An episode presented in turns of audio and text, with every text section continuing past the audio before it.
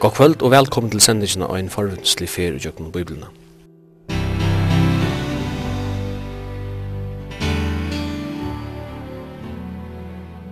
Henda sending er at høyre lintene mykje kvöld klokka 19 og endersendt vir frugjedag 17. part klokka 15.30. I studion er Sjumen Absalonsen og Jekvann Zakariasen og Taur Poulsen er teknikar. Vi er kvöld kom fram til profeten Habakkuk. Bøkjen Habakuk er ein av de bøkene bøkene som ikkje er torførast a skilja. Meinparsten av bøkjen er samskifte etla dialoger mellom profeten og god. Profeten ser nek rundan om seg som han ikkje skiler, og han spyr god hvor han ikkje gjer akkurst, og svær færan. Det er de mange som kjenner seg atter i bøkjene, og hvordan er hva det spurningen vi vøkjer. Søgnesta vers i bøgjene kan benda av at Habakkuk var levittur, men annars vidar vil ikkje negg om profeten som person. Habakkuk levde av som tøy som Jeremias, tævelsia, stått undan at Jerusalem var tidsi av Babylonaren. Støan og Juda og Jerusalem var ut av leie vanlig. Her var ivegenger, sosialt avrattviser, og folk lade ønskje i god. Løyvi og i bøyne var en hoan i måte til gode som hei vust Israels lukka nai.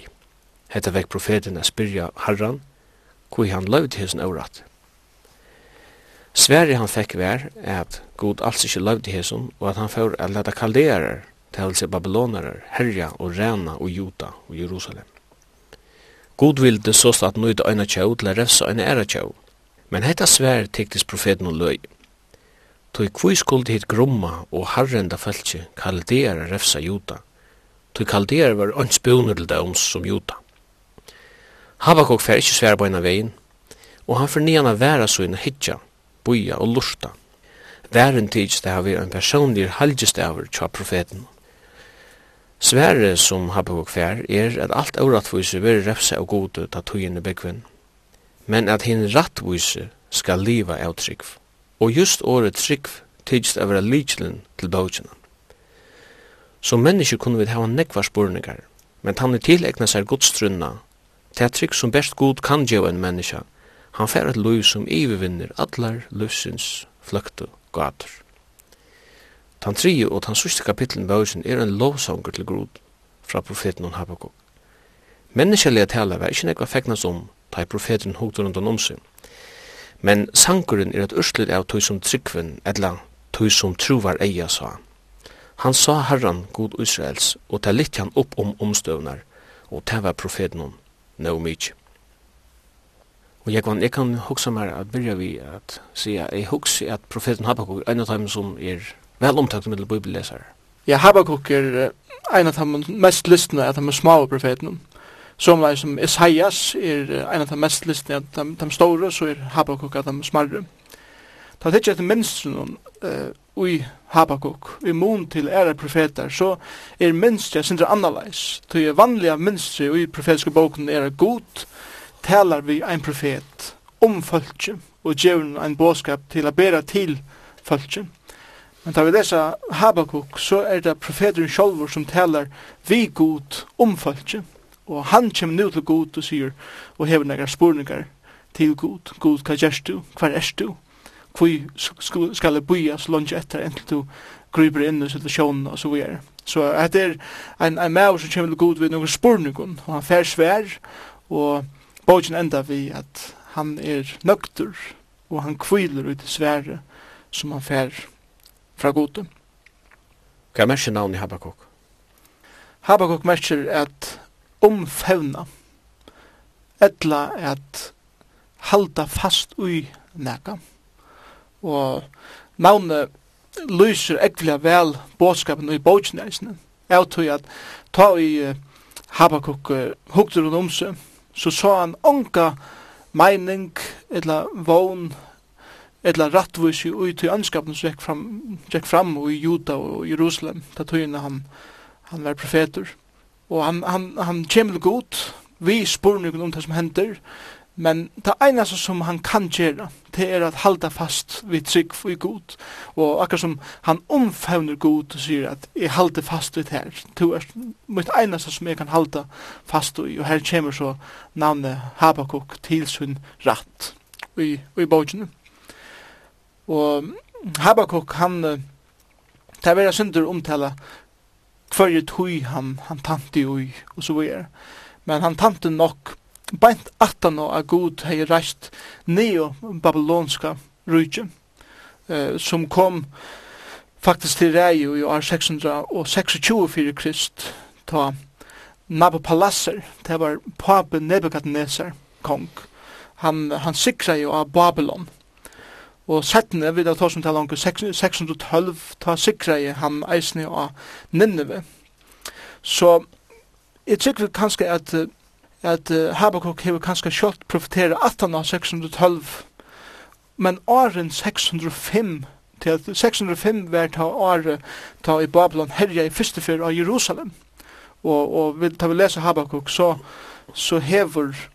Eh, ikke alup veri av Jerusalem enn. Men vi vet at, at, at babylonska rujtje, eller neo-babylonska rujtje, er kommet til makt. Det leser vi i satta verset i første kapitlet, at han kallar kaldererne. Nå, eh, tar vi lesa eisen til som gong fyrir seg i første fyra versen i bautsinu, i første kapitlet, så lyser det ekkert vel til som hendte da i Joachim konkur, rådde i Jerusalem, og han rådde omlai fra 690 til 595. Og 595 var æreferner at Babylon eh, gjør det innras i Jerusalem, og tok i Hoiakim i utleggt, og kanskje sekeleisene. 605 var det året ta i eh, Daniel, var tidsen i utleggt til Babylon. Første fyrir Babyloner løtta i Jerusalem. Eisen tar vi lesa Jeremias 22, vers 12-23, så lyser han ekkelig vel ønskapen og rådenskapen som eikjente Jehoiakim. Og tar man samarbeid de versene vi de fyra første versene i Habakuk, så sørger vi at her tåsa sikker bajer nøglanda om som og tog.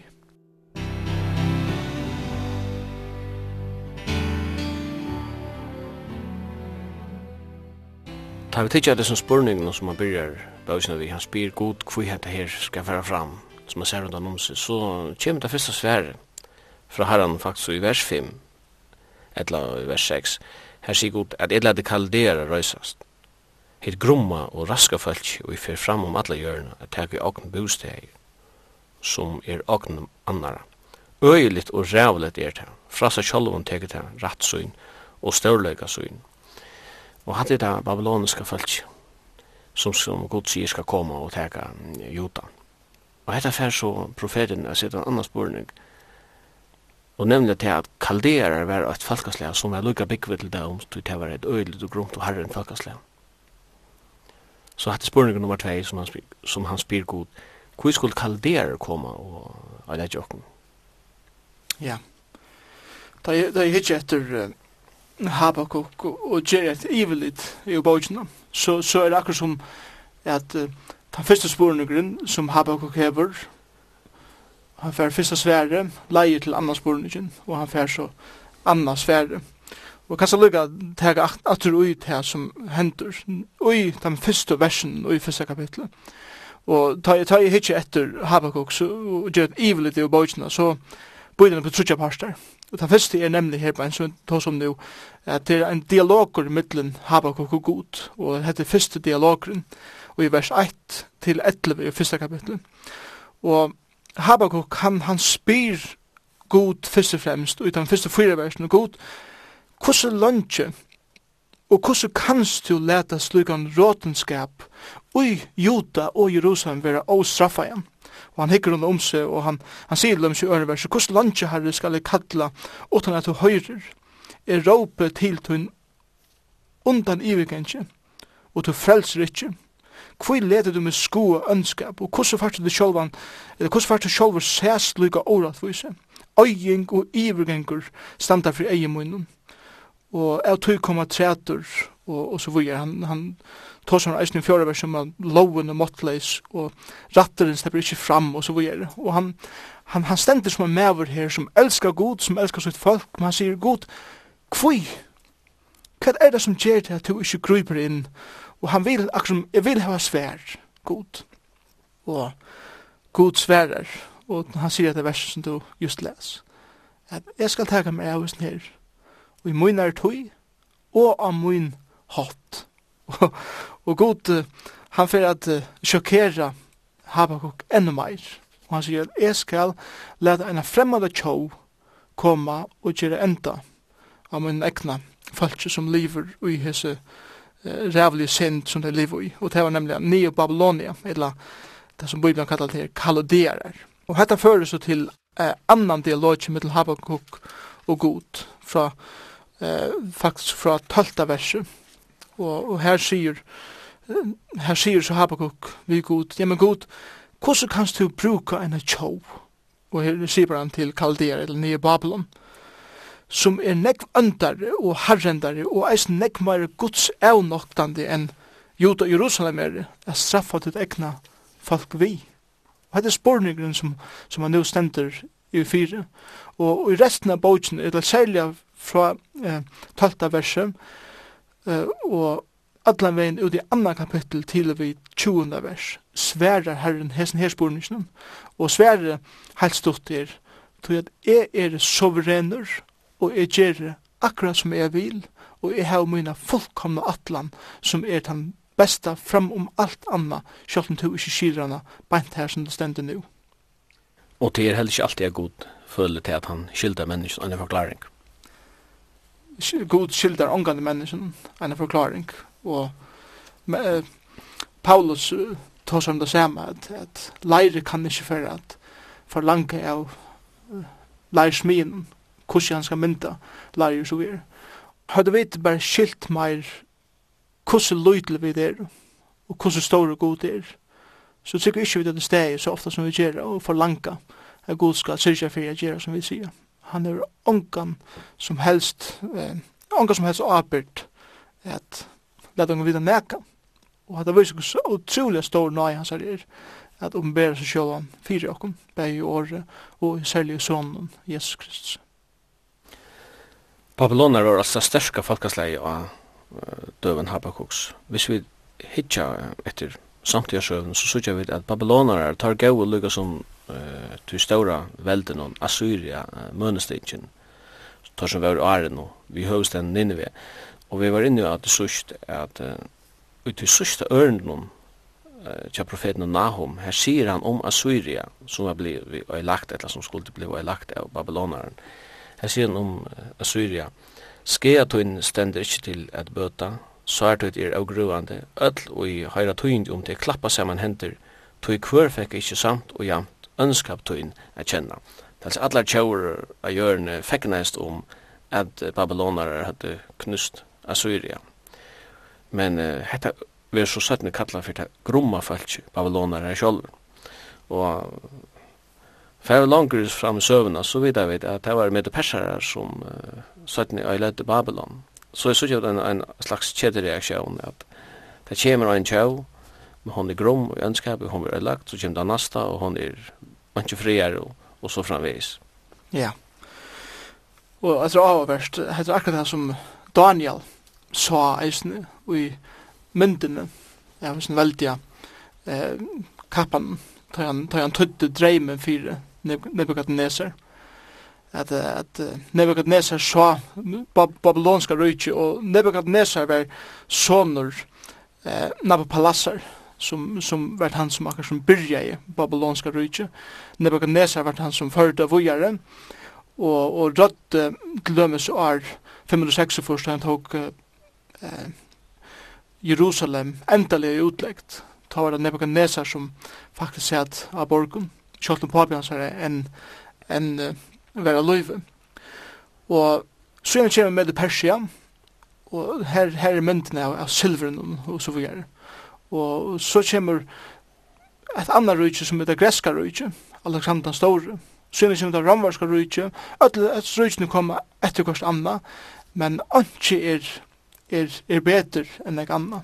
Öll er stort av öndun, av de önda, tog at man vinner omgande fri, man vinner omgande makt vi krutje og fri. Og, og tar vi låse i Nahum senast, at her var glede og, og så videre iver at Syria var fattelig, og det gledse jo at Babylon kom. Det var ikke langt til jeg funnet til at faktisk i Babylon ikke friere enn Assyria vær. Og Babylon vær til rujtje som gjør det enda av Juda. Og folk har også funnet her som tog nok ikke at faktisk i Medi Persia ikke friere enn Babylon vær. Griska rujtje var ikke friere enn Medi Perska rujtje vær. Romarska rujtje var ikke friere enn det griska rujtje vær og så videre. Og så er skongt alle veien. Man kan, man kan utfri så sier at uh, menneskene har haft utrolig trobel ved at omsitte makt. Ja, absolutt. Tøy at uh, ta, man røyner at omsyna makt eh, og så sjolvun, så kommer det alltid å være trobult. Tøy at ui ein sjolvun er sint, en uh, troan etter å gjøre åratvise, at troan etter at oppletta seg sjolvun og nye trøyste ånder, og til det som er etkjent atler heimsins makter, at oppletta nøkur på, på kostninga av at ånder være nye trøyste. Det som vi sitter i sin tjøvn, det er det som man i moderna nord kan kalla for maktrus, eller imperialisme. Ja.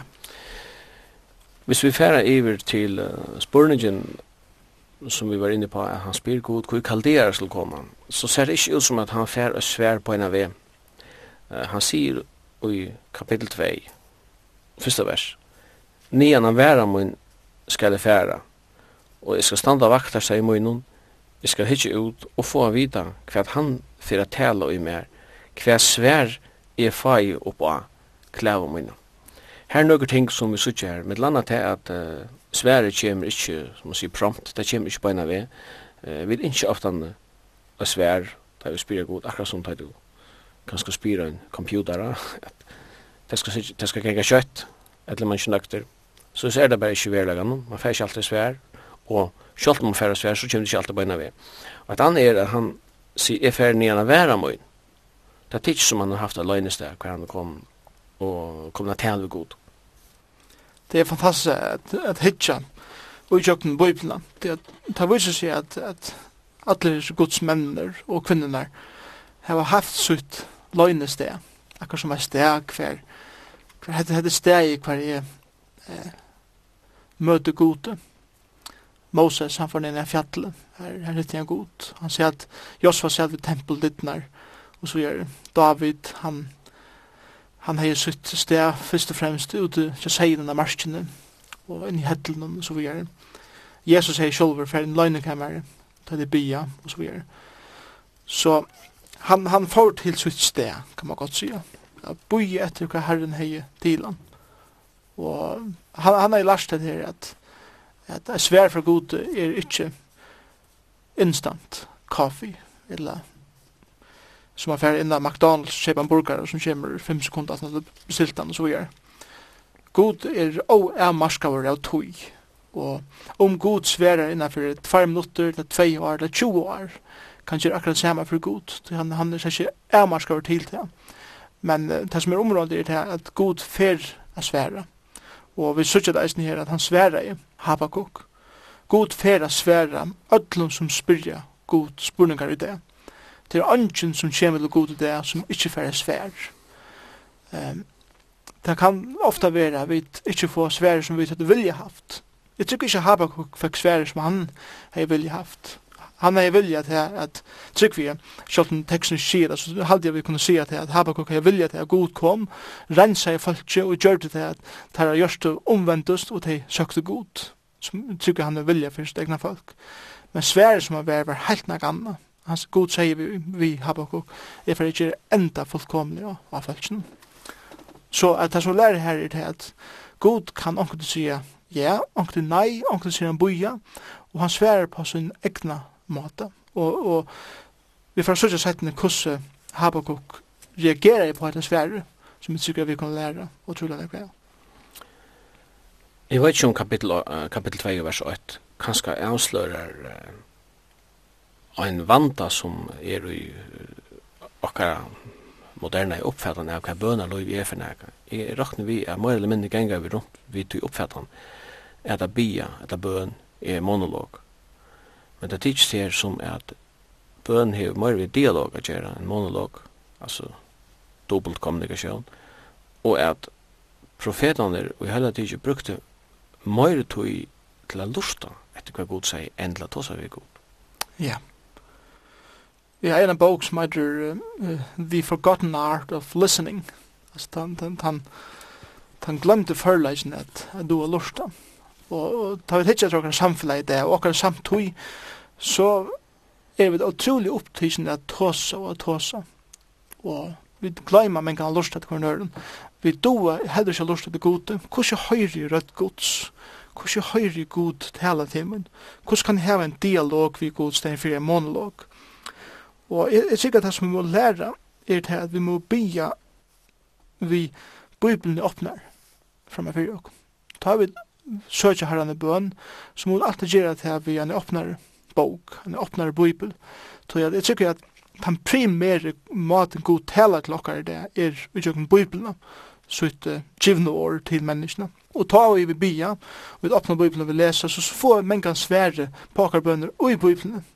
Men mengan så svære god eisen i tjøkken er her, mater til lømens utjøkken er personer som har leir i nokra liv, og i tjøkken bibelelærere, talarar, omkring tjøkken tankar som vi, som vi får, som god talar til okkara. Her, her skal vi være verden til at alle tankar kommer ikke fra gode, nekve tankar kommer fra okken sjolvun, nekve tankar kommer fra de ønda som er frestingar og så er. Så vi må hava nekka spurningar alltid ta vi, ta vi få tankar og så er. Eh, til dømes samsverret her i bibelna. Eh, eh, halda ånder her er at er det oppbyggande, er det fordømande, og så videre. Må spyrja slukka spurningar. Men ta over bya, så eier vi omkring sier god, nu innskje jeg at hun taler til min, og vi lærer vi fri, simpelthen. Ikke sier et år, bare lærer kvill. Da vi kommer til vers 4 i ørkapitlet, så, så rækker vi et vers som er uh, til sjål nerven og man kan si at lærer bautjen i Habakkuk, til et utrolig sentralt vers. Og man kan altså si at Paulus i Rombraun, han, han bytja alla sin undervisning, troar undervisning i Rombraun, av dette verset er, nemlig at hin rettviset skal liva av trygg. Jeg har uh, lett meg fortalt at året trygg, altså som navnåret, nesten omgandi er nevnt i gamle testament. Det er et av de helt fave undertøkken, men uh, altså saknåret av trygg var, uh, finner vi det, eller hodtætje, at trykva er ofta omtale og gamla som er sånn til dømes så sier du personen at Abraham trug og god og god tilrakna hon til til rettvis men till ungen hva skal man si avhandling om trygg jeg finner i gamla testament. Ikke rent uh, grammatisk, nei. Da var det ikke et och som jeg av av bei mann og kvinne som fylles vi god så så sier vi at at de levde sitt liv visende trygg, kan man godt sige, selv om det ikke var nevnt. Vi kunne nevne eh, Abraham, som, som du nevnte. Han var rett og rettforskjører vi trygg var god, men han levde i et liv ui trygg var god. Han får ur sin lande, god kattelen, det var et truarsti. Eh, det var ikke etter uh, Josva, så levde han ui trygg var god for å føre det inn i lovet av landet. Det er ikke etter Rahab, hun levde i ui trygg eh, at, at at han skulle hysa eh, njøsnaren og så videre. David, han levde utsikk som han skoa i fram til at ein dag for god at senda frujan fra Saul og alle som var etter hon og så videre. Så alle veien trygg vi at, at, at folk har praktiseret det som Habakkuk sier, men, men det er at eh, at det første for at det brukte av hendan hatt. Og at det er utrolig sentralt fire båskapen ui Habakkuk, tog at her sverar god Habakkuk spurningen god kui leder til ena så året vi så tjå straffa folk tøyt. Og, og god sverar først og fremst at er så rener gjør som vil men de ei mjukom de som bodja seg fyrir mer som lyta fullkomlega og med vi trygg de skulle liva De skulle leva i sin trygg, De skulle vera rattvois i trygg sin, tei skulle eisende trygg vi iverliva rent fysiskt, Hette rævlig som fyrir koma iver eh, Jerusalem. Tui at tøy vi lesa alla profetarna, så er det alltid en leivt som iverlever. En lived var førti utleggt, en lived kom heimater. Og jeg tror han sipar eisen til til leivtina her at, at de skulle liva tog at de lyda fullkomliga og god. Og så i, i kontrast eller motsetning til de rett, til rattvis som skal leva vid tryggsynet, for nå har vise av henne orattvis, og henne som ikke lever i trygg, som ikke er rattvis og hver lakna hans her er. Og det viser han så i, i resten av ørenkapitlet. Men tryggven, hon er definera i Hebreabran uh, som fullt vissa om det som vana ver og sannføring og det som ikkje sast. Men jeg husker om at trygg kan ikke som så henga og lese litt. Hun må ha folk, hun må fokusere på et eller annet.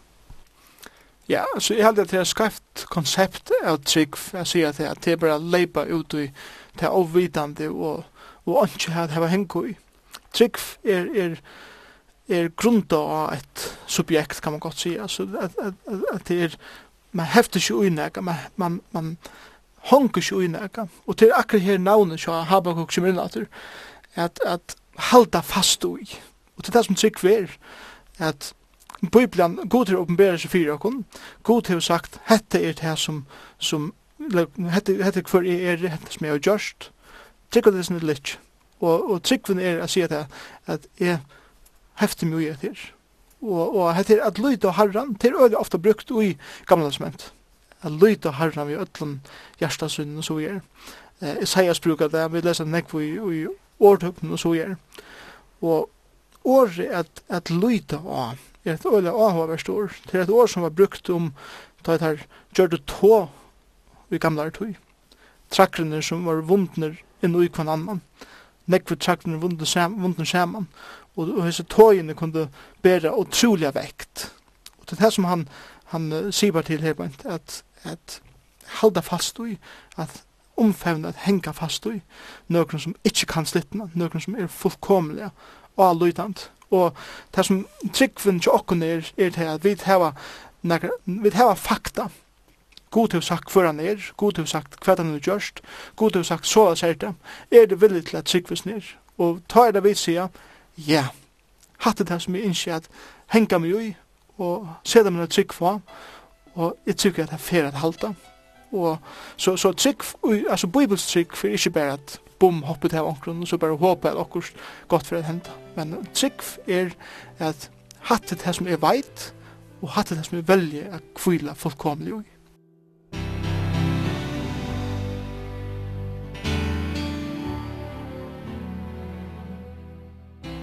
Ja, du nevner at uh, tryggvun homma hava et subjekt, nega, nega halda seg til. Hetta fer meg hugsa um føringar sum í eldre hava søkt uh, fuglabjørgin. Og eg ofta undra meg hesar mennar sum fer í og fer nýr í bjørgin. Tan sum ikki trúir, hann fer ikki í ein løgn. Men eg kan hugsa meg at summir sum er farin hava haft betri nervar enn er. Men eh, det som helter er ikke som så tryggvinn, men til løgnan som helter. Jeg hater det, og tror det, og tror det en annen mynd som jeg, jeg husker om er, er, en bok som, som byrja vi sånn her at uh, Øystersfolk er i Egyptaland. Det er kvöldet de skulle fære ut av, av landen. Og bæg har smurs blå i Adora stavn. En familie er innanfyr og de trykva fullkomlig av at Angelen fyrir fyr, forbryt hei. Men i hinn husen her er øyler øtte, fyrir når Angelen kom eller ikke, og, og det er øyler øtte. Men uh, situasjonen som baven var den samme men tryggven var ikke den samme. Men det blå jeg dora savn som jeg alltid sier. Som leis eh, og i kjåkona, så det er ikke mye annet på eh, hvor tårer i løgnet litt. Det er løgnet, hun er lykka stersk, som du sier, altså. Hun, det kan ikke samme hvor hun gror igjen. Hun, hun helter at det tøyne. Hun helter, men er man troar vøyker, så har man ikke samme troar kvilene, eller frien som en som er sterkere sin trygg. Nei, det er det er ikke. Og, og det kommer å være sånne ofrier og løyvene kjene som ikke hever trunna. Jeg tykker at, at uh, som folk er mer ivande enn andre. Thomas var en, en ivande lærersvenn til Jesus. Han, han vil liksom slippe nema vi og føle at er det bedre til han tro. Og, og på nekka måte har han kanskje et, et nekve strauna i løyve enn kanskje Peter hei, som bare herja jo og, og, og lei på ute, vi trygg. Men allega så var situasjonen kja bavun akkurat den samme. Det var bare lukka trygger, det var bare lukka rattviser i for god og så videre. Men så, så fra Guds perspektiv var ikke måneder av men fra deres egne perspektiv måtte vi skote, var kanskje måneder av. Jeg tror nevner Peter her. Jeg husker akkurat om Peter. Jesus sier eina for vi, Peter, hvor i veist du, to troar var ikke. Ta en sak ja. eh, av vattnen, ja. Et som er over så trygg eisene, til til at på ein måte er eh, at ivast gode. Det kan føre til sint. Så jeg ser at ivast og jeg god for å hjelpe, er at sære spørsmålstegn vi hvor god er. God sier han er altvidant.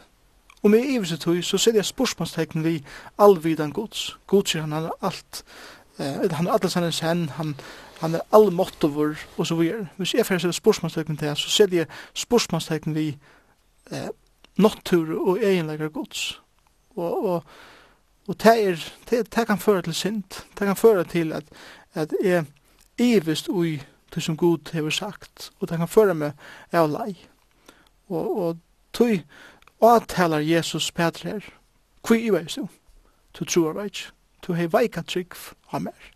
Sjalt om tu se, og det som er avverst til Petra her, er det at kvöld, eller dagen fyre, hever han se Jesus metta 5000 menn, og, og vi bøtten og kvinnen var kanskje 25.000 folk.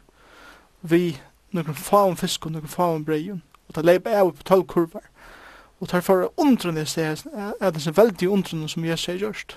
Nå ser han Jesus, og han blir ivast atter.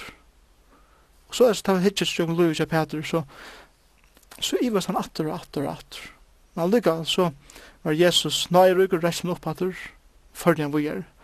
Og så lest trykk vi at det er resten løyven Jokken, vi er er troarveik, det er, det er bare så jokken som mennesker, men det som er, er tøtninga mykje er til at reisa vi dere opp at tar vi tar ivast, færre vujer, utsynne. Og så fettla vi det atter, men vi reiser dere opp at vi færre vujer, og, og så er det sikk vi at vi kunne halde ut, lukka til endan, og vi sikk for Herre Jesus. Men Peter byrja søkka til han hukte rutan om seg, og han sa uh, bildjenar, og hei fokuset var vekk av Kristus og sjålen. Og til jeg færre mine tankar at leita til Hebreerbrevet 12 her det stender at um, at hevande ein vent av Kristus opphavsmann og fullkomare troaren. Men vi får ikke trygg av hikkje rundt om men helst vi hikkje nye okker sjål, til vi har ein vent av Kristus, som er løgnan, hvis vi skulle bruka myndene. Han er løgnan, ja, helt sikkert. Og, og jeg tykker ikke nærmere bjerga med hei, hei løgn her bant, og haft egin jo det til hver øren kan henge i, til han løyter ikkje av løgnan. Jeg sikker at, at ta vi hitja alle æresaner etter omkring hengu i. Og, og særlig at det kommer til trunna tjokken, så, så vil det ofte heva okkurst fysisk til okkurst som er skjønnelig til hengu i, tog at, tog at det må være okkurst som egin er suttje, og okkurst som hendene kunne følge, og så gjør. Men, men Kristus har sagt at det kan tørvar ikke det. Det kan ikke være truar enn egen, etter noen som er åkjøllet, men som tekum no kvila fullkommen ui. Og jeg tykker at det kan godt være til en, en løyvleng prosess, eller tilgångt, at læra at her, at Og i Kristus, som er opphavs med truar Kapittel 11 i Hebreabran vi kallar for truarenar kapittel til han tosa egen trygg. Hvis vi tikkja løyung til Jesus, så sykja vi det at det var flere folk som prøva at imponera han men kan vi en og lærersonen prøve å vi var å vise tempelbygningene i Jerusalem. Men han lät sig ikke imponera, men det er nekra fyrir vi leser om at Jesus undreist. Da stender at han undreist av vantrinna i Nazaret, og så leser vi det om nekra fyrir for eksempel hedningar, at han undreist av tryggvtarra. Så trygg og vantrygg, det var teipa i tinge som fikk Jesus alt som stegg av og undrast. Ja. Yeah. Det stender også i Hebreabran 11 at fyrir trunna var det at henne gamle finke gaua vittnesbord, hans er god gav menneskjen vimmel, for det tryggte at ikke så det var så så skilla gaua, eller det var så så intelligent, eller kan man skal si, men tryggvinn som det behøvde, det var henne som det finke vittnesbord fyrir. Og så stender vi her i kapitel, eller i vers 3 i Hebreabran 11, at vi trygg fæta vit at heimeren er skapt. Det stender ikke at vi intelligensen och färdar, men vi trunne färdar vi. Ja, det alltså det var vært citat som nevner här. Alltså kvärt människa kan velja fæda rationellt. hvordan heimer var skaptur, hvordan allt liv var til, hvordan allt er, er mynda og så videre. Og anki rationellt menneska, anki hugsnarotter, kan velja skilja det. Og, og trygg er, er eisne at her, jeg sier, jeg vet ikke hva god jeg vil være nødt til at bøtja meg, jeg vil nødt til at jeg må ikke meg fyrt her, og jeg vil nødt til at vikenka det, jeg er fullkomlig avhengig av det her. Det er eisne et aspekt av trygg, at jeg, er så utrolig avmarskaver, og tog meg kvila ut her. Og det er akkurat som på måte han sier her, at Ta man kjemur til det her støye, eller stige, i løyven. Hver man kjemur til det her, så jeg vet jeg er ferdig ikke. Jeg må bare kvila og tryggva. Så er det som om og god, akkurat som åpnar nekka helt nytt fyrir okkon, og fyrir okkon er skilja, nekka som okkar rasjonelle hoksnarhotter ikke kan skilja, men, men okkar andalega eia, og, og okkar andalega hoksnarhotter skilja nekka som jeg korsen ikke kan forklare, eller greia fra, og være skilja. Men du er fotlan fri ut i? Ja, og kvile fullkomlig ut i. Og det er kanskje det som Bibelen tar seg om troar kvilene? Jeg tror det, ja. Det sier jeg sånn, hvordan heimer var til. Jeg har granskat meg kanskje hvordan eh, argumentene genga fyrir motor skapan og etter utvikling og så videre sånn, men ta alt kjem til alt så må jeg bare sier om nye sier, jeg skal faktisk skilja det i høver ikke er, er, er fullkomne er marskar og. Og jeg tror at da man kommer til det, så er det akkur som god sier, jeg skal, jeg kan kvidbar og jæsn her som, som du hever fra skriften, kvidbar fullkomne ut, og jeg hever fri vi, jeg sier at jeg tror god skapt i heimen, ur onkun, og gjør det alt ur onkun, på eina stutta periode, og i synen allmåtte, fullkomne, og gav ötlun liv. Og det er kvillig. Og det er mest ikke det samme som at du sagt farvel til fornuftene? Nei. Anker har sammenloknet vi en, en tommastokk, akkurat intelligens, at uh, han er overfrille bruka til du skal arbeide etter håndverk, men uh, du kan ikke bruka han til å mata avstanden fra hjørnet til mannen. Og det er på samme måte at vi skulle skilja god. Det skal en annen dimensjon til, og til troer enn en dimensjon. Ja. Tog at hin dimensjonen er så trolig amarska eller som onkur sier at hvis vi skulle fæta god, så vær god ikkje større enn akkurat vid, om så vær, så vær ikkje talan nekka større god. Men ja.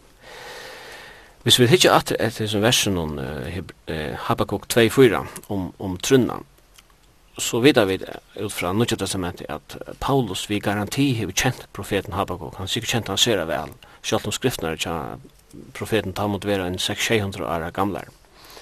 Uh, kunne du si at det er en ordentlig linker i mittlen eh, Trunna i eh, Habakkuk 2-4 og så Rambrau. Ja, det, det er det helt sikkert. Og Paulus han siterar eh, hetta skriftsteg ur Habakkuk i Smiden Tverfer. Han siterar det i eh, Rombrand 1.16, og eisen Galaterbrand 3.11, og så er det eisen sitt her i Hebreerbrand. Vi vet ikke om det ikke hvor skriva i Hebreerbrand, men i 12. kapittel vers 8, så trutja fyr er det verset sitt her i Nudja Ta i Paulus bruka det i Rombrand, så så teker han akkurat som hessa myndina ur gamla sementet, og, og brukar hana sinter annalais for at bytja under bådskapen som han, som han argumenterar fyrir i Rombraunen. Og han, han brukar det en støkken hatt til dømes uh, i Habakuk veid Paulus. Paulus var en, en skriftlærder, så han, han kjente alt gamle som hendte opp og nøyer. Han veit at god talar her til Juda og Jerusalem. Men han, han ven, anvendet her, og Paulus talar her hetta verset til jøtar og heitningar, alt folk. Og han, han lyser eisen at trobeleisen i, i Habakkuk var synden i tjåene, altså synden i Jerusalem og Juda. Paulus anvendte og sier at trobeleisen til menneskene er at synd er i ötlun heimen. Ötl hava synda og dem fattast dår gods. I Habakkuk er, er domor gods Neo-Babylonia, eller kalderar, som, som god for å bruka at uthedla vreie syna iver Juda Jerusalem. Paulus sier at domeren som bojar sindheimsins er vreie gods. At Gud sjolver skal uthedla vreie syna iver alt holdt og, og allan ønskap. Sverre på, på domen er at Habakkuk han råpar til god og i bøn. Sverre her til Paulus her, at Paulus han predikar het her, at en skal liv av trygg, og så videre. Han, han predikar vrei Guds, dom Guds, rattvise Guds, heilalega Guds, nøye Guds, kærlega Guds, atlan vegin, rattvisgjering, heilagjering og durhagjering i rombraun. Han predikar eh, sannleikar Guds. Um, Habakuk har langsel etter at her rattvise skulle iveliva, og, og det er det som han sier her, i rattvise han skal liva av tryggsynet. Paulus fyrir å argumentera i resten av rombraunen at öll som tryggva skulle være rett forkjørt. Det som tryggva, båskapen som prætikje, skulle være gjørt rødt i fyrir gode. Lyfte, uh, Habakuk være at her, skulle være en, her skal være en liv som skal iveleva. Det er rett. Lyfte til Paulus er at um, öll som som vera rett forkjørt, vera rett forkjørt trygg, og de skulle leva evig grunda av sinna trygg. Hetta var det som hetta verset faktisk samanbore vi eh, Rombran 5.1 her vi lesa rett for kjørt trygg her vi tunnu fri vi god vi herre okkar Jesus Kristus. Hetta var det som ombrøtt Louis Luther, eisne. Da han, da Luther hukte etter rattvis og gods, så kunne han ikke skilja til at menneskjan nekrande kunde gjerast rødt ufor godet, og, og Luther sier selv til at, at til tøyene tar jeg struttes vi at her heta jeg god.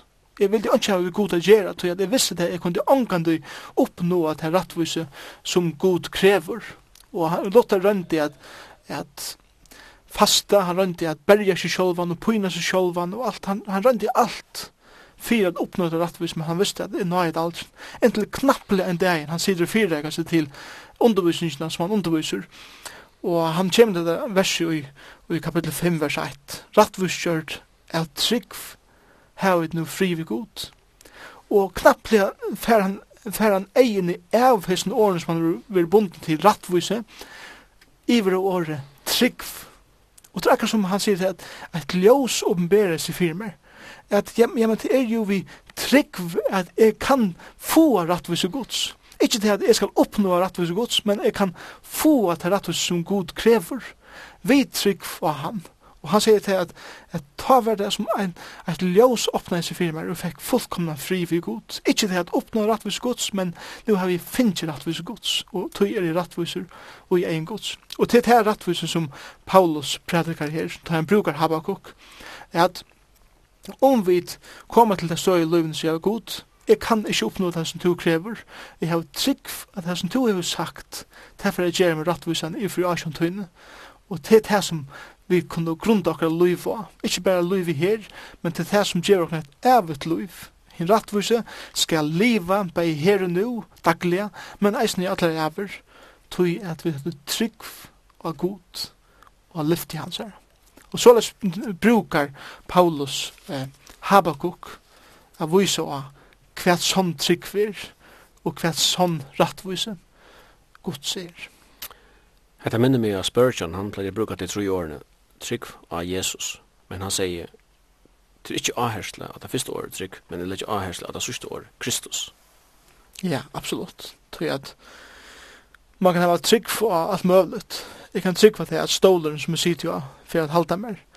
Men, men derfor ikke føre meg til näka anna i livet. Därför ska hjälpa mig meg, min dagliga deg. Men trygg av Jesus, därför jag hjälpa meg i ødlun områden i livet. Och, och därför hjälpa mig eh, in i avlägan, in i samfället vi han.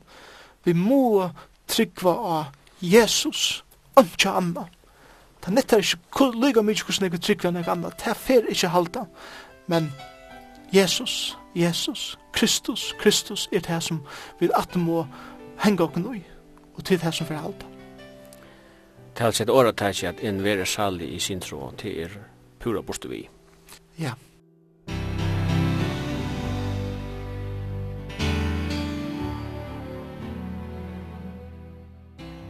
Arme for vi er vi profeten om Habakkuk, så kunne jeg lukka nevnt at jeg kan til det at Paulus siterer Einar for at profeten Habakkuk, det er kapittel 8 vers 5.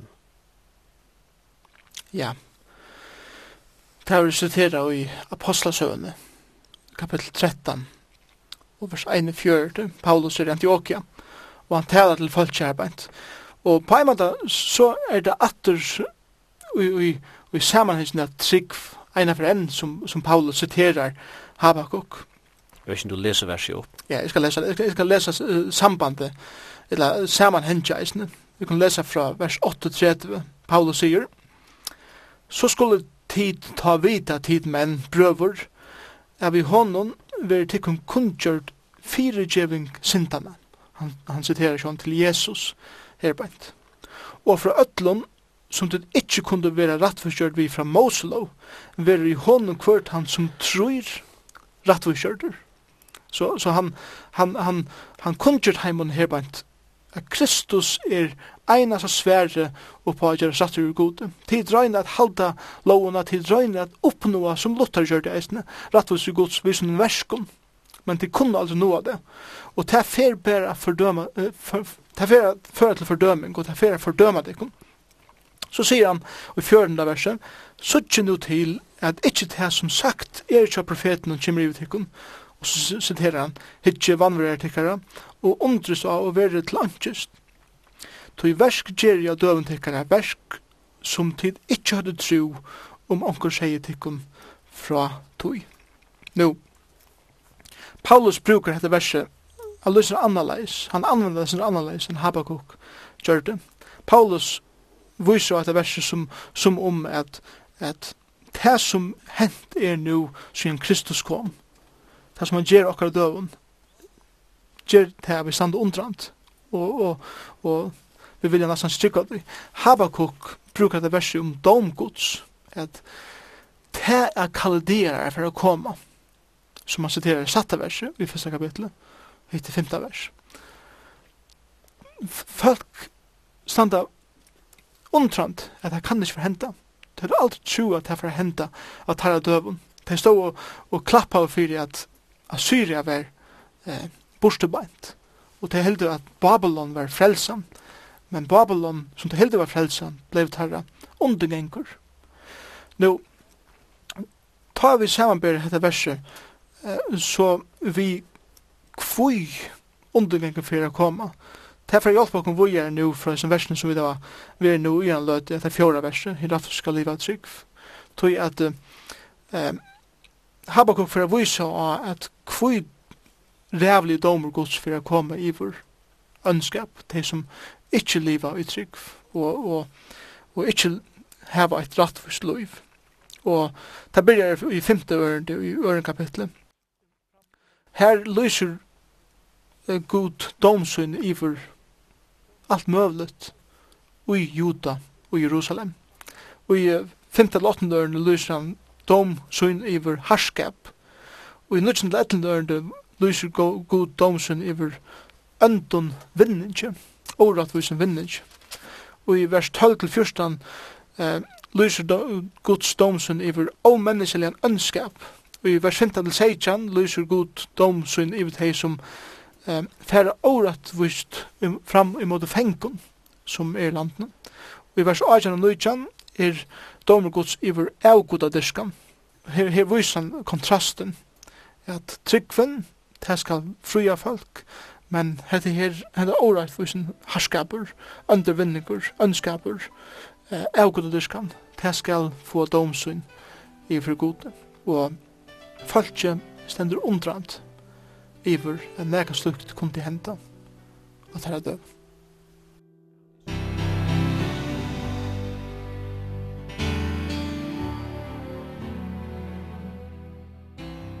profeten Habakuk, han er bytter opp i trutja kapitlar, og den sørste kapitlen til bønen til Habakuk. Men vi er vi i kapittel 2 enn løte, og sørste hadde svære som god djever profeten og på klæv i hans her for jeg bruker åren til Habakuk selv. Ja. Her endar Herren i sørste vers i kapitel 2, han sier, men Herren er i høyleia tempelsøgnen, öll gjøren vir still fyrir honom. Hatt er lukka som punktum fyrir kapitel 2. Hatt er punktum fyrir kapitel 2. Og hatt er et fantastisk vers. Habakkuk var ikkje en skeptiker. Han var ikkje en skeptiker som kom til god og, og, og kravde nega god. Han var en maver som hei en djupa innerlige trygg for god, men som hei nega spurningar. God kvui. Han, han, Habakkuk, han, han brente for seg, han brente for sinne fölkje. Og han, han får til god vid sinne frustrasjon. Og han, han øste det framfyrir og asjon gods.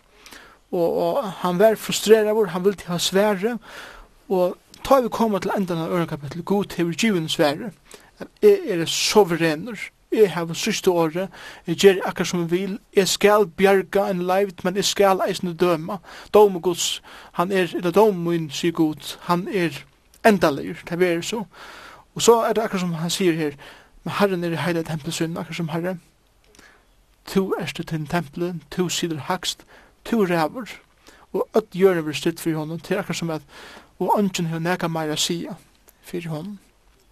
Og til fyrir okken i tre kapittel, at Habakuk, han ei mykjesen, han bodgsen i knø, og han bare byr, og han tilbyr godt. Det er ganske troar kvillan som uh, vi sitter i kapittel 3. Absolutt. Jeg, jeg tror vi at dette førte Habakkuk til det punkt punktet i løyven til oss her. Hvor han ångan hever nærre gode, tror vi. Han, han finnes svær på spurningene her. Kjøtt en svær ikke for det som han yngste. Så kom han til det og sier, ok, jeg kviler fullkomlig. Så jeg har sett god. Jeg har, jeg har mest, jeg har kjent god. Og i sin dialogen som vi har haft og hette vi først med til mot lagsta punkt i løyven som samtidig var hans aller haksta framfor Asjon gods. Det er øyla størst man hoksar om at tjåen tjåen, hon stod av gotten ut til henne en øyla vannlokk kalderen skulle komme og han visste det, god det fortalt om det så endar han her, vil jeg sige i tre kapittel men jeg skal gledast og i herran fegnast og i god frelse møyner Herren, Herren er styrke min. Han ger føder minare som hindana og leder meg genga etter hattun minun. At, at det er en, en fantastisk ende. Og, men årene kommer til det her, så, så er det noen ære kjenser som er framme i tre kapitlet. Og han sier til dem her i ørenverset, Herre, Jeg har vi hørst båskapen om det. Det er som herre, nå har vi hørst hva du har sagt. Og så sier han, er reist. Han, han, han er rastløslyen. Han, han sender fullkomlige rastløslyen iver det som, som henda skal, falskene. Og han, han, han råper bare til god, og han, han, han, han bier bare. Og han ender i øreversvis sier, minst og i vreie tøyne miskunn. Og så er som han, han hever en forbøn for falskje nedbeint. God, to først å komme. Det er ikke som stekket her. Jeg får komme til han falskje, men god, og i tøyne vreie. Minst hin rattvisa som lever, og i sinne trygg. Vis miskunn, god. Og så fer han at lysa fra tria verset, hvordan god fer å komme og gjøre fullkomne enda av Juda og Jerusalem.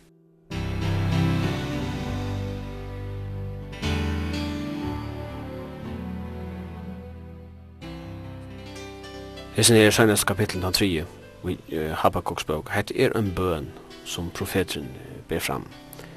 Men uh, det enda vi, det sista verset stendet til sangmasteren vi strøndja legjum inn. Det ser ut som heter en bøn som bor fram som en sanger. Og vi sykja i Salomon at det er flere salmar som er bøner som er bytnar til god. Ja. Det er sin sier kapitlen. Han er nok fyrir sundjen og, og henne bønnen har vært sunnkjent på omkring måte. Vi eh, ljåføren at vi. Og dette sier dere løsninger om kanskje, jeg synes mer om hvor Habakkuk var. Vi vet ikke om mannen som så. Vi vet nok at han, han var i Jota, kanskje boen i Jerusalem, tog at han, han ser under iverflaten, at han rådskapen som gong fyr, som han lyser, og som han brenner, fyr at god skal komme, og gjøre enda av. Men kanskje lærte jeg eisne okkene at Habakuk var en levitr som kanskje var ui tempelkåren. Vi vet at det, at det var bare levittaner som, som kunne tjene i tempelen, og det var levittaner som uh, finkust vi tonleikin og sannsjen i tempelen. Og vi kunne ikke det helt visst. Det kan være sånn sångren er over til sångmeisteren, til til sin samme som at Habakuk er færen til tempelet og avleverer han. Etla til at han sjål veri parstret og hun skrivet det til å være sunnkje. Så han sier at det er til sangmesteren, akkur som det er til noen annan. Men så stender vi strøndjaleitje munnen. Så det er akkur som kanskje var han sjålt en, en tonleikar som, som spalte på et strøndjaleitje. Det vet jeg vet ikke, men det kan være. Og hessen, hessen tredje kapitlen er eisen yster som er solmer, som solmaner som vi da lyser, og som er solmer som skriver i beie, tam søvdeboken og profeten, og, og som er utrolig vel utarbeider. Han byrjar ved en forbøn, han byr herren om å minnast falskje. Så, så, så gjør han det samme som nekver er solmer gjør, at han triver i søv og Israels, jeg synder. Og han fyrir her av vise at at god førte eina for Ushars folk, i jøkken øyemørsene, ur til heim til Lovaja landet. Alla tjóana som rønte a standa Israel måte ta, voru trakkar nýr, ta voru sikre og gode, til a god hei sett seg fire, at folk skal vera bjarga, ur Egyptaland til til i landet, og det var ønske som stod i veien, at de skulle koma heim. Og, og han, han lyser det her, fra, fra eh, 3 ørende, eller særlig kanskje fra satt ørende, ut til 15 ørende. Men så får han at, at vente han til å si at lykka så visst som at Ushans folk kom heim i kjøkken øymørsene, lykka så visst skal Herren føra Babylon og i måter Jerusalem og Juda. Det er ikke som fyrir standard i vegin. Det er ikke som kan fåra at Gud fyrir at straffa folk så ut lykka så visst fyrir gode føra Babylon i motor eh, Jerusalem og såra öll tei som standa eh, gode i motor. Og det fyrir så til, til at han fyrir lysa hvordan han kjenner det. I 16 døren, jeg hørte det, og det nødreie enn han nøymer Ljøve fekk varra munar pipra, råd kjemmer bein munne, og er sjelve her som er standen tog jeg nøye seg standa stidler og bøye etter nøyeren, bøye etter at han kommer mot falskene, han som skal komme tog jo i trångt. Akkurat som det er ikke som jeg kan gjøre, enn bare standa her og skoa det som fer er komme. Ta og han er ferdig i jøkkene seg her kjensler, rassle, nødram og, og vognløy, som kan man godt sige. Så det er akkurat som akkurat kommer opp på gjønnen som sier, Men så minnes det Herren er miskunnsamer. Minnes at Herren straffar alt vi tog for eia, at endreisa. Herren straffar ångan vi tog for eia, at, at øya. Så kommer det her oppe i, i agendørende, som akkur som er en sørste responsor til Habakkuk. Men, akkur som det er mennene som, som er så endur løysant, jeg skal gledast i Herren. Jeg skal fegnast i gode frelse munar. Her minnes han at du at Herren er en frelser, han, han er nøyver, han, han rattforsker. Herren, Herren er styrke min. Han gjør føtter mine som hinta meg og leder meg genka etter hatten min. Og det er akkurat som han, han vil litter opp ur rasslen i sorgene. Og han får styrke av nudgen, og han får glede av nudgen, han får en kvile av nudgen, og sier, Herren får komme, ja, men han får spære levdene og jeg kvile fullkomlig og i tog. Så det er en øyelig måneder mellom han spyrjande og han frustrerer jeg profeten vi møter i byrjan av bøysen og så så løsner bøysen endar. Ja, og jeg tror vi at öll mennesker som koma til god vi sunne frustrasjon, vi sunne spurningun og, og helt ærligt øysa det ut for god. God er ångande bensje for at vi øysa under vi spurningun. Han er ångande bensje for det, han ønsker vi skulle koma til han. Og, og Jeg tykker at mennesker koma av hendan hotten til god, kom eisen til a støy i løyvene, kan jeg si, jeg vet ikke at god veit best. God er han som hever alt i sunn i hånd. Det eneste jeg kan gjøre er å kvila, det eneste jeg kan gjøre er å boi etter honom, og det eneste jeg kan gjøre er at vite det at han frelser, han viser mennesken. Navnet Habakuk betyr at omfevna eller halda fast og jo. Men tidigare att det så sista versene, det er som at du sørst at atcher fyrir det för där att det finns botten det finns fastna botten ui god til sjálf. Ja. og overgre kan like ui som där vil, Men ikke vikast. Det drøyver ikke. Jeg vann. En spurning som jeg gjerne vil spyrja etter, hva skjøtja vi Kristus i bøkken? Ja. Vi har sjående tåsa langt om fjorda vers i øren kapitlet, at en rattvise han skal være rattviskjørter vi, vi trygg, til han skal liva eh, usinne trygg. Jesus Kristus kom at rattviskjøre mennesker, til han døy av krossen, og til vi eina vi trygg for ham, Jesus Kristus, at vi kunne være rattviskjørt, Rambra 5, 1, rattviskjørt trygg, rattviskjørt hava vi tøynu fri vi god, og så er det her, vi herre okkara Jesu Kristus. Og til akkar som Paulus sier, at vi trygg og herre Jesus Kristus, gjeras vi rødt i for gode, og derfor er gjev okken saman fri. Og båskaper som Habakkuk gjever er til at vi må liva er trygg, vi må være rett for kjørt, det er vi gjerast rødt i for god til at trygg. Men vi må avhaldande liva ui trygg, eisne. At jeg og i min daglige løyve, som et baden gods, må tryggva. Er god, han fyrir fyrir meg allan vegin. God fyrir ikke bare teka meg helten av vegin, og så blega bleka mig bors. God fyrir teka meg allan vegin, heim, allan vegin. Jeg kan kvile ut og jeg må liva ut i trunne, at god gjør meg det som er tørver kvann det, han gjør meg kvann hjerteslott, kvann andadrott, alt må jeg tryggva, kommer fra honom. Og det er det som fyrir fyrir fyrir fyrir fyrir At her, at jeg kan ikke klare meg sjolv. Jeg må hava egen vend av Kristus, alla tøyina. Så jeg tar jeg besinnig hitjar om meg, så byrjar jeg søkka. Tøy må et rattvist liv ei kjennast. av avhaldande trygg og Herre Jesus Kristus.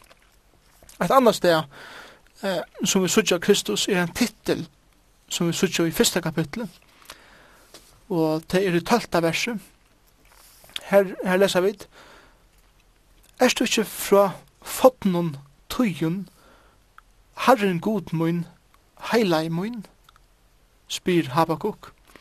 Og det er som titelen er heilai mun og det er fra fotnon tøyen og i opphavar året, året var god og året var sjå gode Kristus er året, og han er fra fotten og tøyen, han er, hever alltid veri, han er onga byrjan, han er onga enda, han er god sjolver.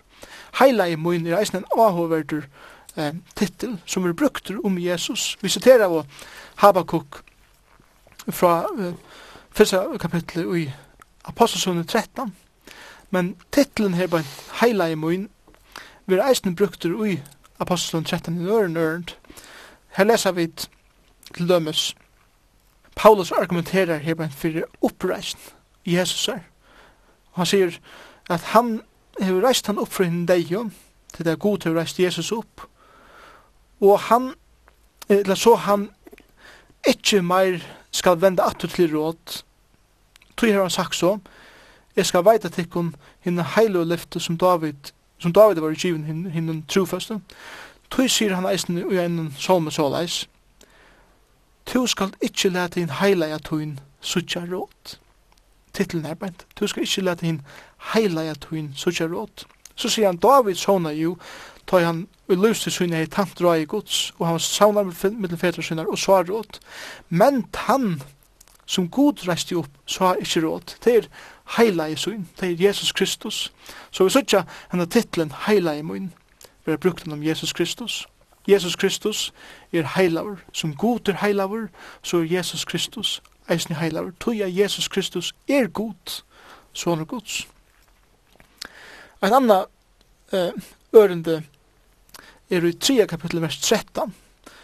Um, her, her vil hin salvei brukt. Og til en annan titel om Jesus Kristus, at han er, han er salvaver av gode. Han, heil anden kom iver han, han, han filtra andan, og han var en salva i Guds. Så en annan mynd av gode. Og så gjerne i, i Øren kapittel vers 14, her leser vi at ein dag skal han fytla hjørna vi kunnskap om dord gods. Og dette talar om framtiden. Ta i Kristus sjolver skal vera her, og han skal fytla hjørna.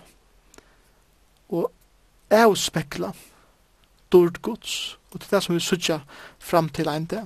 Måtte vi leva okra liv som tryggvande i det, at her, at, at avspegla Kristus, så at dård gods kan komme til kjøntar i okkara dagliga livet. Men ein det skal Kristus sjolver komme og avspegla det sånne dårdene som skunner ut fra henne sjolver.